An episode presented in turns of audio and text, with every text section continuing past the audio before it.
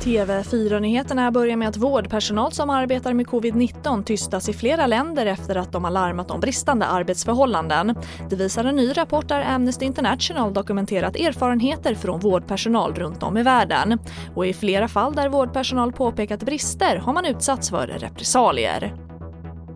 Och Sydafrika återinför förbud mot försäljning av alkohol och inför dessutom utegångsförbud mellan klockan 21 och 04 på grund av den snabba ökningen av bekräftade coronafall i landet. Restriktionerna införs för att minska antalet patienter på landets sjukhus för att fler platser ska vara öppna för de som behöver vård för covid-19.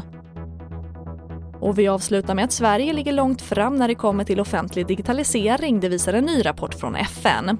Mätningen omfattar 193 länder och i topp ligger Danmark följt av Sydkorea, Estland, Finland och Australien. Sverige hamnar på sjätte plats i världen och enligt rapporten har coronapandemin förnyat och lyft fram behovet av digitala tjänster i den offentliga förvaltningen. Och det var det senaste med TV4 Nyheterna. Jag heter Charlotte Hemgren.